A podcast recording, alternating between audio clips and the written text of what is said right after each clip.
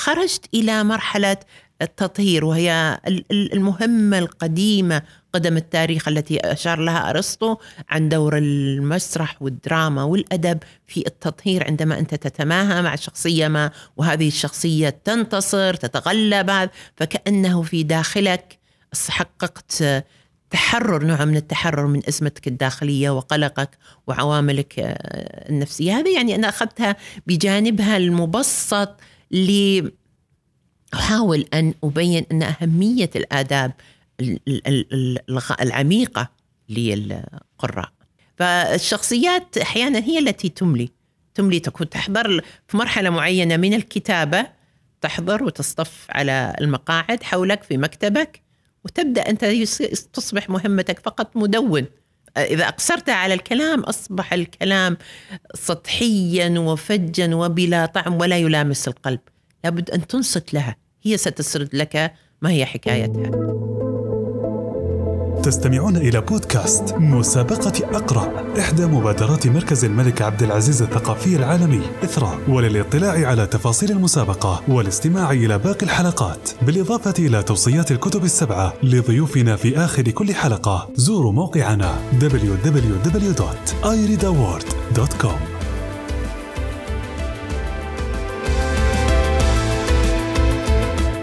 أنا سامي البطاطي من فريق أقرأ. وضيفتنا في هذه الحلقة الروائية أميمة الخميس حاصلة على بكالوريوس لغة عربية من جامعة الملك سعود. لها العديد من الأعمال القصصية والروائية التي ترجم بعضها لعدد من اللغات. آخر أعمالها رواية مسرى الغرانيق في مدن العقيق الفائزة بجائزة نجيب محفوظ للرواية. أهلا بالأستاذة أميمة سعيد بوجودي معك. أنا سعيدة. أنا سعيدة بأجنحة الغرانيق التي حلقت بي وحطت على الساحل الشرقي. لأرى هذه الاحتفالية والاحتفاء بالكتاب وهالشغوفين بالقراءة وهذه قبيلة القراء الرائعة التي بالفعل تبهج الصدر تثلج الصدر وتبهج القلب. دعينا نبدأ من النشأة وأنت نشأتي في عائلة مثقفة ووالدك هو المؤرخ الكبير عبد الله الخميس. لو تحدثينا عنها. يعني أنا أعتقد انني من من القلة المحظوظة التي لم تجد صعوبة في الحصول على سواء مصدر المعرفة من الكتب الكتب الأفلام وسواها أو العالم المش يعني العالم الأسري الجو الأسري الذي كان مزدانا يعني بحب المعرفة والشغف بها فالوالد ليس فقط كان أديبا ومؤرخا بل كان الكتابة والقراءة هي كأننا نحسها هي أحد أعضاء جسده. فكان دائما متأبطا الكتاب متأبطا الورقة والقلم. آه، يربينا من خلال أبيات الشعر من خلال يوبخنا من خلال أبيات المتنبي. إن أنت أكرمت الكريم ملكته وإن أنت أكرمت اللئيم تمرد.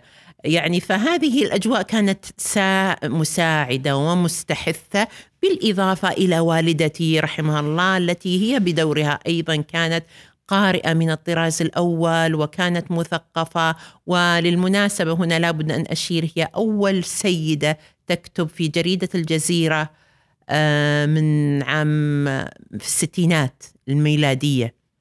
فيعني هذه هو كانت كلها أعتقد أنها بيئة مستحثة حتى أنها يعني بواكير الكتابة لم تكن آه، عندي تخالجني تلك الشكوك التي تخالج العادة ب... الذين يبدأون الكتابة، أنا كل ما هنالك كانني كنت أعيش في عائلة من آه، المزارعين، مزارعين حقول الكتابة، فكنت أستيقظ أستيقظ الصبح وأرافقهم إلى هذا الحقل. وإلى أي مدى أثر هذا في كتابتك؟ متى بدأت الكتابة؟ بدأت في باكرا، باكرا جدا.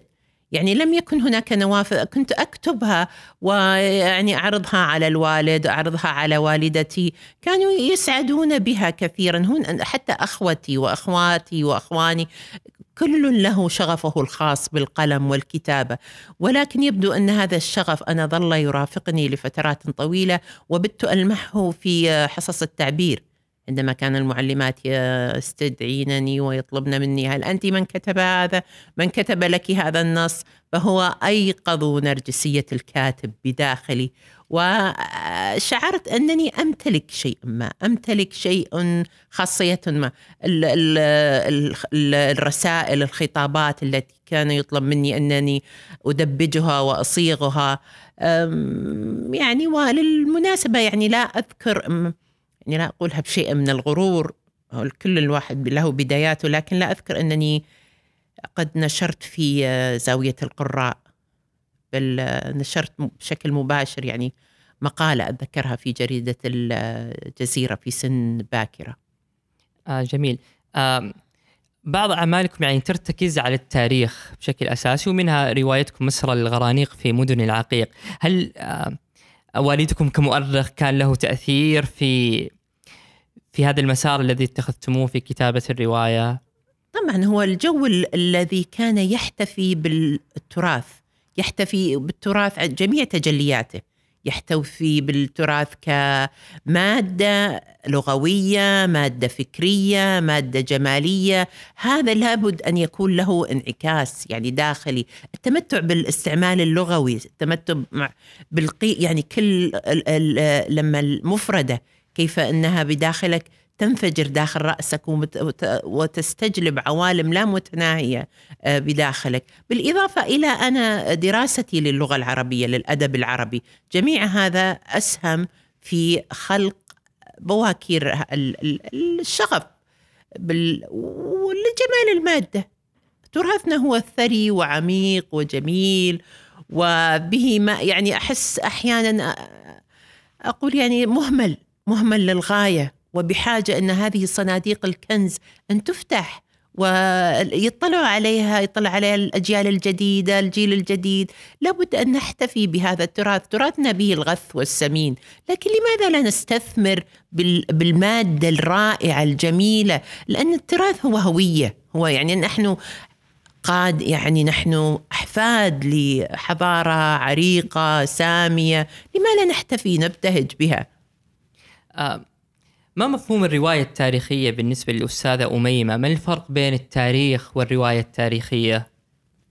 آه الرواية التاريخية آه التاريخ هو على الغالب يلتزم الدقة والحياد وهذا إن كان هو يسمونه أن هذا من آه، رابع العنقاء أنه ليس هناك تاريخا محايدا فالتاريخ على الغالب هو رواية المنتصر لكن على الغالب التاريخ يحاول إلى درجة ما أن ينقل المادة التاريخية كما هي كما حدثت.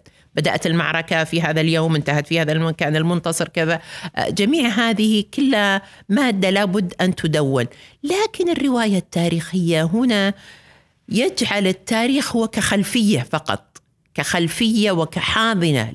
لكن الشخصيات الأحداث نمو الشخصية تطورها التحديات الحبكة النهاية جميع هذه يختلف فهنا تأتي المفارقة أنك التاريخ تقدم المادة الخام لكن يطلب منك كرواية تاريخية أن تستثمر في البعد التاريخي في البعد الفكري الفلسفي الجمالي أنت تقدم فن وأدب ولا تقدم مادة علمية مستقلة كفكر كتاريخ يعني. وهل يجب على الرواية التاريخية أن تلتزم بالمعلومات المذكورة في التاريخ؟ يعني ما هي المساحة التي يستطيع الروائي أن يتحرك فيها حينما يتكى على التاريخ في عمله؟ يعني على الغالب لابد أن يلتزم بها بشكل كبير. لابد أن لأن إذا أنت قدمت معلومة مغلوطة يبدأ القارئ يشك بجميع عملك. تبدأ آه، كأنها يعني النسيج المحكم لعملك. يبدأ آه، يتعرره الثقوب يتعرره المهلهل يصبح غير متين غير متماسك. فأنت مثلا إذا كانت نحن نتحدث عن معركة حدثت في تاريخ آه، مثلا في القرن الرابع الهجري. إذا قلنا أنها حدثت في القرن السادس لن يحترمنا أحد. إذا مثلا أبو حيان التوحيدي قهقرناه وقلنا أنه كان موجودا في القرن السادس الهجري بينما هو كان مجايلا آه، يعني موجودا في القرن الرابع الهجري. فهنا إذا كان موجودا لا نستطيع أن يعني في هناك حقائق وثوابت تاريخيه لابد أن نلتزم بها. ومنها ومن خلالها يعني كأننا عندنا هيكلية معمارية باذخة نقوم بتأثيثها. نقوم بتأثيثها بزخرفتها باختيار اللقطات التي نريد أن نلتقطها بحركة شخصيات خارجيين متخيلين. يدخلون هذه المعمار ويتحركون داخله ويقومون بالدراما. آه جميل. طيب آه لماذا في عملكم اخترتم آه مرحلة زمنية محددة بين 400 تقريبا و 405 للهجرة؟ آه ما المميز في هذه المرحلة تحديدا لتبنوا عليه عملكم؟ على الغالب هذه المرحلة هي مرحلة آه، نضج العقل الفلسفي في تلك المرحلة. لنقل إذا كان هناك عندنا عقل فلسفيا آه، قدحت قدحت جذوته مع فرقة المعتزلة وبيت الحكمة الذي كان يترجم كثير من الفلسفات يعني الفلسفات اليونانية والفلسفات السريانية الكتب آه، الفلسفة اليونانية والكتب السريانية. فإنه هنا نضج وكانت آه، ظهرت المذاهب الأربعة واستقرت و آه، يعني كان هناك الاشتغالات الفكرية في ذلك العصر لا سيما سؤال العقل. كان حاضرا بقوة وكان محتدما بفرقة كانت فرقة المعتزلة التي تحاول الوصول على الطريق للحقيقة عبر السؤال عبر التفكر عبر التدبر.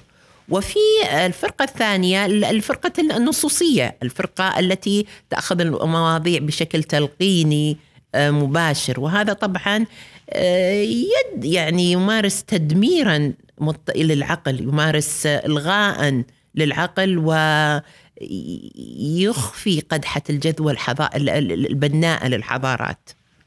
هل تجدي أننا بعد ألف سنة ما زالت آه هذه الفرقتين على الأقل كأفكار حاضرة النصوصية ومن آه، يهتمون مثلا بتغريب العقل. ليس تغريبا هو لا نستطيع أن نقوله تغريب لكن تغليبا يعني آه. تغليب العقل على تغليب تغليب. آه, آه، كنت أظن أنك تقول تغليب. آه هو على الغالب آه قد كنت أحاول أن أقرأ الحاضر من خلال الماضي. فهو أن ما بق ما برح هذا الصراع بين النصوصيين الذين عاجزين عن تفتيق قراءة حديثة قراءة جديدة قراءة عقلية للتراث الثمين. وبين أصحاب العقل والفلسفة الذين هم على يقين بأن العقل هو آه، إشراع النوافذ والأجنحة آه، للمبدعين والخلاقين لكي يصنعوا الحضارة. آه جميل. آه واحد أعتقد من التحديات اللي يمكن أن تواجه الروائي حينما آه يكتب عن شخصية يعني مثلا حينما جعلتم بطل الرواية مزيد الحنفي. آه وهو رجل.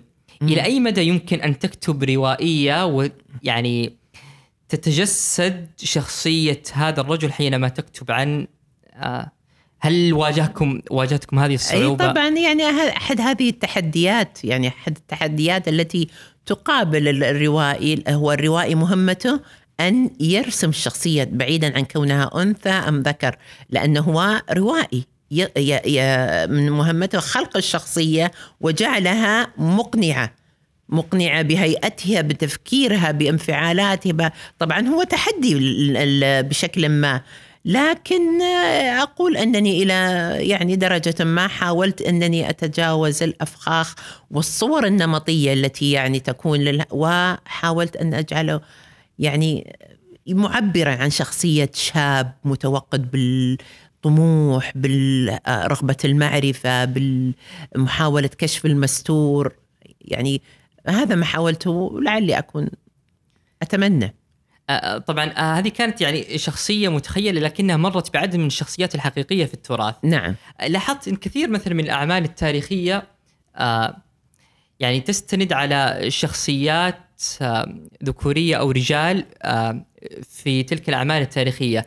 ما فكرتي أن يكون في عملك التار- التاريخي شخصية المرأة. مم. كيف؟ ربما أن تصور لنا التاريخ لكن من زاوية لم تنقل لنا أو لم ينقله لنا التاريخ. آه، يعني أنا م- قد يكون مستقبلا أقوم بهذا العمل لكنني خفت من يعني في في محاكمة خفية يمارسها النقد الأدبي محاكمة مضمرة بأنها مثلا يخافون يخشون أنها تكون محملة بالخطاب النسوي أو بالنبرة النسوية إذا اخترت امرأة فهذه تكون يعني من قد تقلل من قيمتها ابداع أو الذائقه النقدية عندنا تخاف يعني متحسسة من الأطروحات النسوية. فبالتالي حاولت أنني أبعد عن الشخصات الشخصيات واكون مخلصة للغاية لسؤال العقل. اظلني يعني في في درب وأسلك درب سؤال العقل وتحدياته. ولماذا انطلق مزيد الحنفي من نجد واليمامة؟ لأنها كانت يعني منطقة عبر التاريخ كانت منطقة مهملة مع الأسف. منطقة مع أنها كانت ثرية وكانت بها يعني آه، قامت عبر التاريخ. هناك حضارات حضارة كندا حضارة كانوا كانت آه، يعني آه، منطقة ذات بنيان وعمران وكانت ولادة بالشعراء شعراء المعلقات كلهم خرجوا منها. شعراء بواكير العصر الإسلامي والأموي كان بها كثير من الفقهاء أيضا. لكنها أهملت عبر التاريخ يعني إلى حساب المراكز الثقافية التي موجودة في بغداد ومصر ودمشق. فهذا الإهمال جعلني يعني أشعر أن هذه المدينة لابد أن تجد يعني مكانتها وحيزتها حيزها على الخارطة آه، الثقافية والمدن التي انتقل إليها مزيد الحنفي هل كانت لها دلالات معينة أردت إيصالها من خلال تلك المدن؟ اخترت أبرز المراكز الثقافية في ذلك الوقت العراق الشام مصر آه، الأندلس هي أبرز المراكز الثقافية اللي كان م- ومره أيضا على القيروان. كان القيروان بها نشاط يعني هام في تلك المرحلة. هذه هي أبرز المدن ال- التي كان بها اشتغالات فكرية.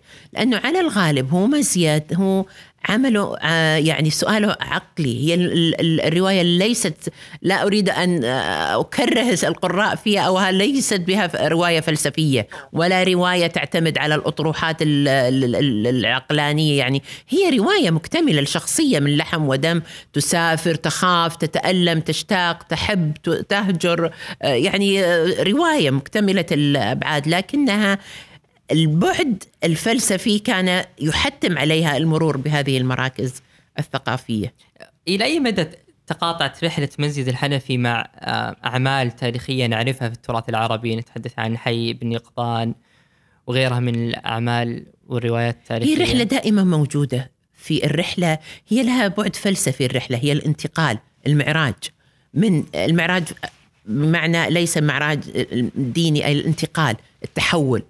التحول من من حالة إلى حالة. فهذه الرحلة دائما موجودة إن كان تشوف في السندباد آه، في رحلات أوليس في الياذا والأوديسا آه، دائما هذه الرحلة لها بعد فلسفي بأنها الانتقال انتقال الروحي أو النفسي الانتقال من حالة القفز مخالة هجر النمطي العادي المستكين إلى تحقيق وتلبية رغبات وأشواق الداخلية لدى الإنسان بالمعرفة والاكتشاف والدهشة. فالرحلة دائما حاضرة حاضرة في الآداب واللي يدرس الآداب المقارنة يجد أن الرحلة دائما في كل الآداب والعلوم آه، موجودة. وتجدين هذا الترحال ضرورة على الإنسان حتى مثلا يطلع ربما على أفكار جديدة. يعني مزيد الحنفي يحتاج إلى أن ينتقل إلى أكثر من مدينة حتى يبحث عن الحقيقة التي كان ينشدها. أي بالفعل الترحال يعني هو سمة من سمات ال- السؤال سؤال رغبة المعرفة والاكتشاف. سمة بشرية يعني هي التي صنعت الحضارات. هي التي نق- تنقل الإنسان لمرحلة أكبر وأعلى من النض في النضج. آه جميل. من ضمن روايتكم ذكرتم ال- الوصايا السبع. وفي آخر ال- الوصايا السبع ذكرتي أحرق جميع هذه الوصايا حتى لا تتحول إلى لاهوت يسجنك بين قضبانها. الحياة أعظم من تعاليم ووصايا. الحياة الدنيا منزلقة في عالم التحولات. لا تستقر على حال. الزمن يسيل ولا شيء يبقى. كل شيء يترك مكانه ولا أمر يبقى. آه ثم ذكرتي صبوة المعرفة فقط هي أم الفضائل أحرق الوصايا آه وابدأ من جديد. آه ما الهدف من ذكر يعني عدد من الوصايا التي كان يسعى خلفها مزيد الحنفي كأنها يعني الوصايا زي البوصلة. زي البوصلة التي كانت تعط- تعطى له ويحاول أنه يتتبعها زي الخارطة الطريق التي كان يسير بها مزيد ليصل. ولكن خشية أن تصبح هذه الوصايا قضبانا تحجب عنه متعة المعرفة والاكتشاف.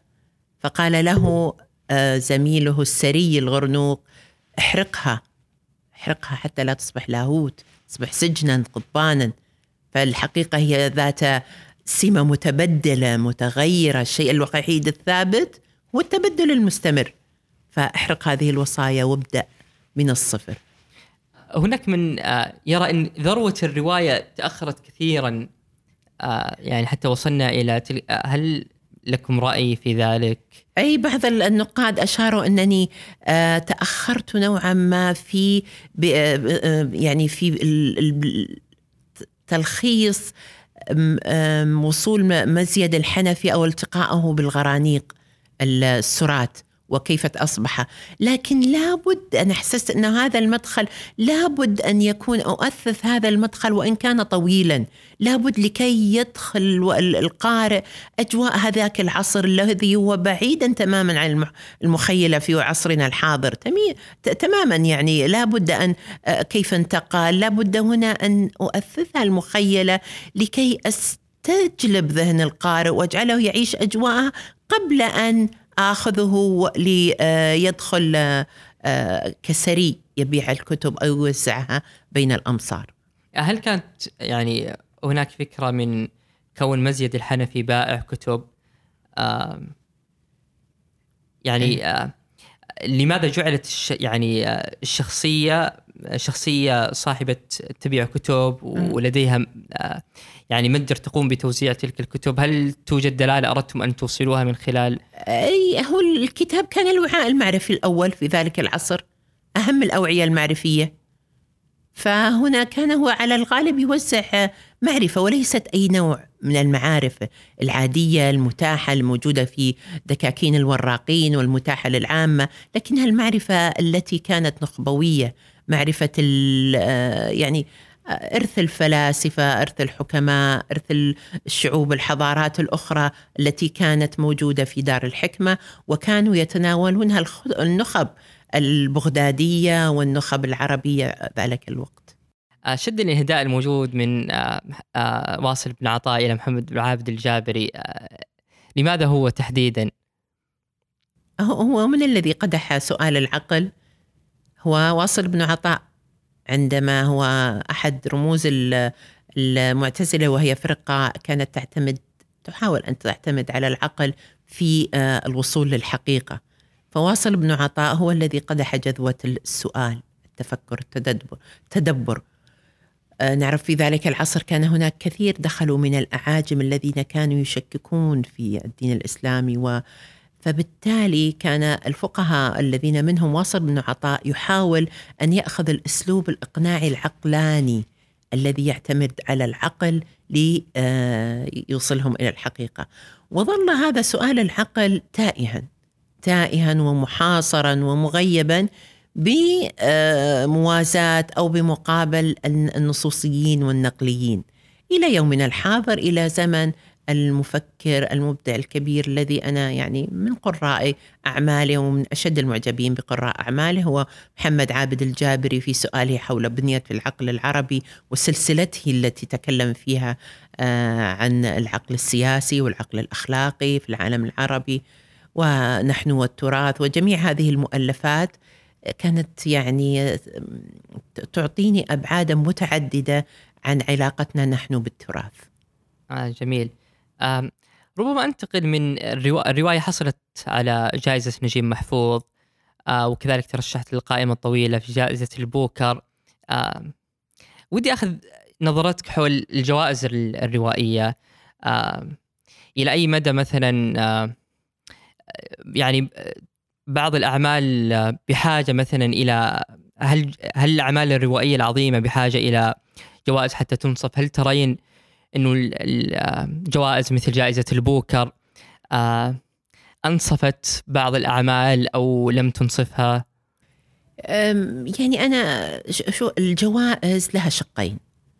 لها شق إيجابي بأنها تقوم بحملة ترويجية كبرى لكتاب. حملة ترويجية بأول ما يفوز بجائزة يعني حملة ترويجية منظمة لم يدفع بها الكاتب أي شيء. وبالنسبة للجانب لا يعني قد يداخلها أحيانا مثلا قد يداخلها لأن الأدب يعني أمر يرجع إلى الذائقة. وقد تكون لجنة مثلا يعني ذائقتها مثلا لم تميل إلى كتاب معين أو أنها ورد وجدت به ما لا يلائمها أو أنها في بعض الجوائز مثلا تكون يعني آه، مخترقة بشكل أو آخر أنها مثلا تحاول أنها يعني تكون أنه الجائزة ليست للعمل الأدبي بذاته بقدر ما هي حرصها على أنها تطوف على كل العواصم العربية بحيث أنها تحط في كل عاصمة آه، يعني وهكذا. ف يعني لها جانب إيجابي جدا ومروج ويلفت النظر ولها أيضا جانبها السلبي. آه جميل. ممكن يعني أنتقل إلى موضوع سبق وطرحتموه فكرة التاءات الثلاثة التفسير والتماهي والتطهير لو تشرحينها لنا. آه، فكرة التفسير يعني آه، بدأتها هنا أحببت أن أكون اليوم في المحاضرة كمدخل لي لأنني أريد أن أحيانا دائما يصادفني سؤال أو في هناك مناخ حام يتعامل مع الأدب أو بشكل مهمش بشكل ثانوي بشكل يعني آه، لا لا يتلمس دوره الجوهري والمهم في حياة الناشئة وفي حياة الحضارات عموما. فاشرت إن في البداية إلى التفسير إن الأدب التفسير هو يعني يفسر لنا ما غمض في هذا الكون. يحاول أن يعطينا رؤية شمولية إيجابية أو سلبية لكنه قد يفسر بعض ما غمض بعض معميات الكون بعض أحيانا الإنسان خاصة في مراحل نشأته الأولى هناك كثير من الأمور خلجات النفس والعلاقة مع الآخر العلاقة مع الوطن العلاقة مع المجهول العلاقة مع الله تحتاج إلى إلى يعني مثل كشاف صغير. فهذه هنا تظهر دور الآداب. بعدها يأتي المرحلة الأخرى التماهي. التماهي متى يتحقق الأدب؟ يحقق فاعليته؟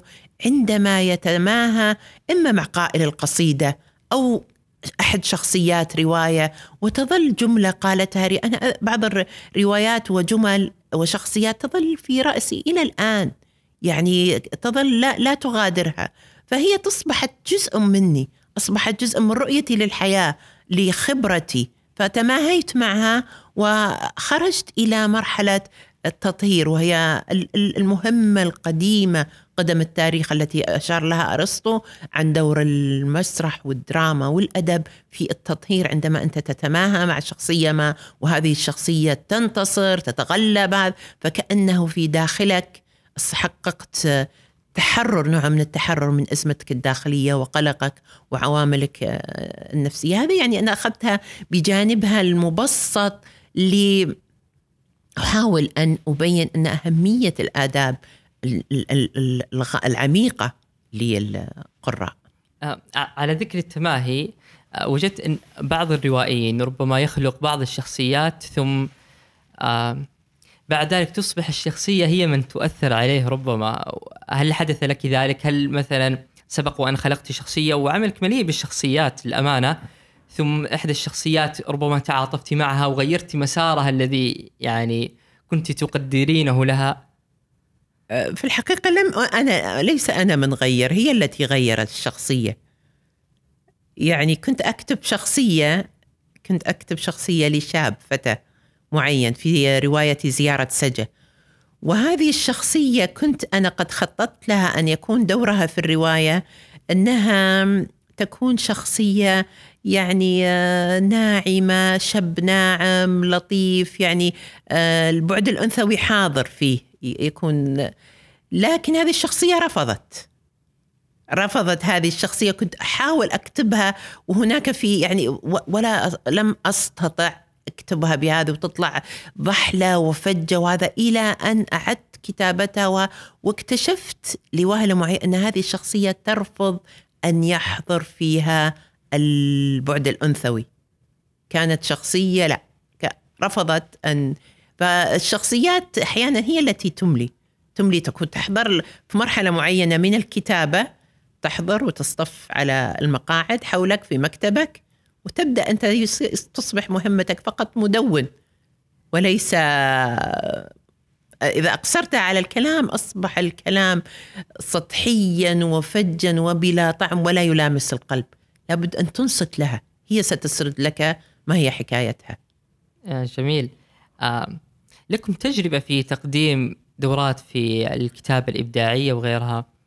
آه إلى أي مدى تجدين أن الكتابة الروائية بحاجة لمثل هذه الورش الكتابة الإبداعية؟ ألا تجدين أنها آه ربما هي هبة يكتسبها الإنسان من خلال قراءاته بعيدا عن التنميط أو تأطير آه، كتابته؟ أتفق معك تماما. هي الأرضية التي لابد أن ننطلق منها هي الموهبة ولا شيء سوى الموهبة. لكن الحرفية لابد أنك مثلا تعطي الكاتب لابد لا سيما النشء والجيل الجديد لابد أن يكون هناك يعني تعطيهم بعض التقنيات التي تسهل عليهم في صناعة الشخصية. لأننا إحنا نلاحظ مثلا أنه في هناك عيب سردي كبير في السرد المحلي لدينا هو يتمثل في أنهم ي... ي... غالبية الروايات يذكرونها كسبحونة كذهب الرجل والتقى برفيقه والتقى وهذه هي السرد نسميه السرد المسطح السرد الفلات اللي ليس به صنعة. لا يحس ما ما تحس ما لا, لا تشعر به لا يص لابد أنك أنت تصنع شخصية تبنيها. فمن ضمن التقنيات اللي نعلمهم إياها أنك اذهب إلى شخصيتك اذهب مع شخصيتك إلى العشاء.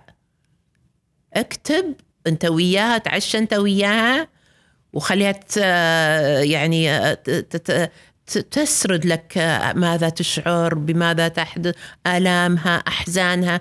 آه، فإذا ذهبت إلى شخصية صرت أصبحت تراها. أصبحت ترى لون عينيها مفرق شعرها. إذا كان عندها لزمة بحركاتها يعني لزمة بكلامها.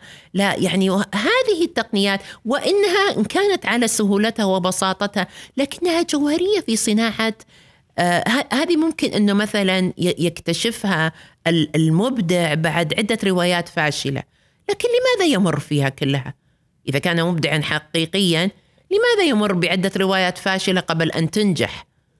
إذا كان هو تبلورت شخصيته وقدر أن يظهر شخصية متكاملة واضحه من لحم ودم يحس فيها القارئ يشعر فيها فهو أن لماذا لا نختصر عليه الوقت؟ مثلا من ضمن التقنيات التي تدرس نأتي بعنقود عنب فارغ. وهذا العنقود العنب أوصف فيه جميع سمات هذه الشخصية في كل حبة عنب. اكتمل العنقود عندك شخصية مكتملة. شخصية تستطيع حتى تبدأ تغير مسارك. لا هذا بما انه شخصية محافظة نوعا لا لا لا لا تذهب إلى هذا المكان.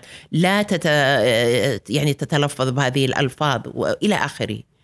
فهذا هنا يعني هو في البداية لا يصنع موهبة لا يصنع موهبة لكن قد يختصر الطريق نوعا ما على الكاتب. وقد تكون جيدة لمن عنده القابلية. أي للصبر لأن لازم أنت تجود شغلك لابد أن يجود هذا الشغل. تعود الكا يعني الكاتب إذا إذا ما كان الشغل يعني مجود وإذا كان مت غير متعوب عليه وهذا لن لن ينجح لن ينجح. يعني هذه مشكلة كثير من الروايات ال- ال- التي تصدر أنها عملية الاستسهال والاستعجال معا. آه، على نفس طريقة الوصايا السبع عندنا في حلقاتنا مسمى الوصايا السبع لسبعة كتب أو روايات نطلب من الضيف أن يقترحها لنا. آه، فماذا تقترحين من كتب أو روايات؟ طيب تسمح. لي أنا أن أحرق الوصايا السبع وأحيل القراء إلى آه، أنا لي حساب في تويتر. إذا كان أحد المستمعين له حساب في تويتر في عندي آه، وسم آه، اسمه القراءة هي نزهة في عقل الكون. أخذتها من مقولة المأمون الخليفة المأمون القراءة هي نزهة في عقل الرجال.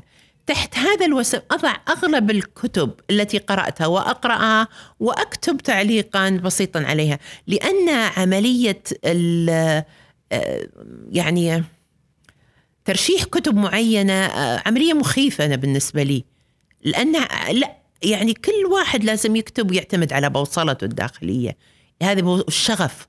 بوص أين تقودك بوصلة الشغف؟ اتبعها وأقرأ ما يأخذ بلبك ما يمتعك ما يدهشك. ومن هناك ستبدأ المسيرة الطويلة.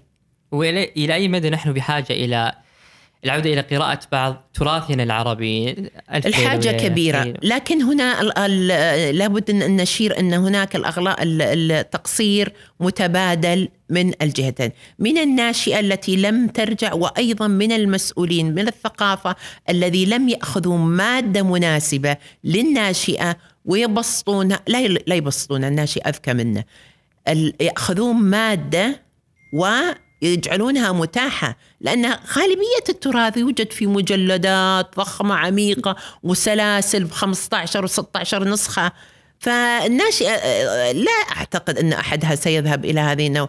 فبالتالي لو يكون هناك سلاسل آه، متاحة متداولة مثلا يأخذ آه، شخصية حكاية متداولة وتوزع حتى لو توزع في المدارس توزع هذا أعتقد هنا هذه خطوة هامة بالنسبة للتراث. هناك بعض دور النشر عمدت إلى آه، إعادة بعض كتب التراث وكتابتها بطريقة يسهل فهمها. آه، هل تجدين هذه طريقة مناسبة أم لا. تفقد التراث؟ ابدا الطريقة هذه هذه طريقة ساذجة اسمحوا لي يعني مع احترام الجميع النوايا الطيبة التي منها. طريقة لأنه يعني أنا أمارس وصاية على عقول الناشئة. الناشئة الآن أذكى منا. الآن إحنا إذا وجدنا في متاعب مع جوالنا الذين نعتبر نفسنا نحن يعني من الكتاب واذا من نذهب نذهب إلى الناشئة. الناشئة اذكياء للغاية. وليسوا بحاجة هم اختصروا ال- الوقت الذي كنا نحن نبحث فيه عن المعارف بأوقات أصبحت المعارف كلها في آه، كف يدهم. فبالتالي لا, لا ليس داعي للتبسيط.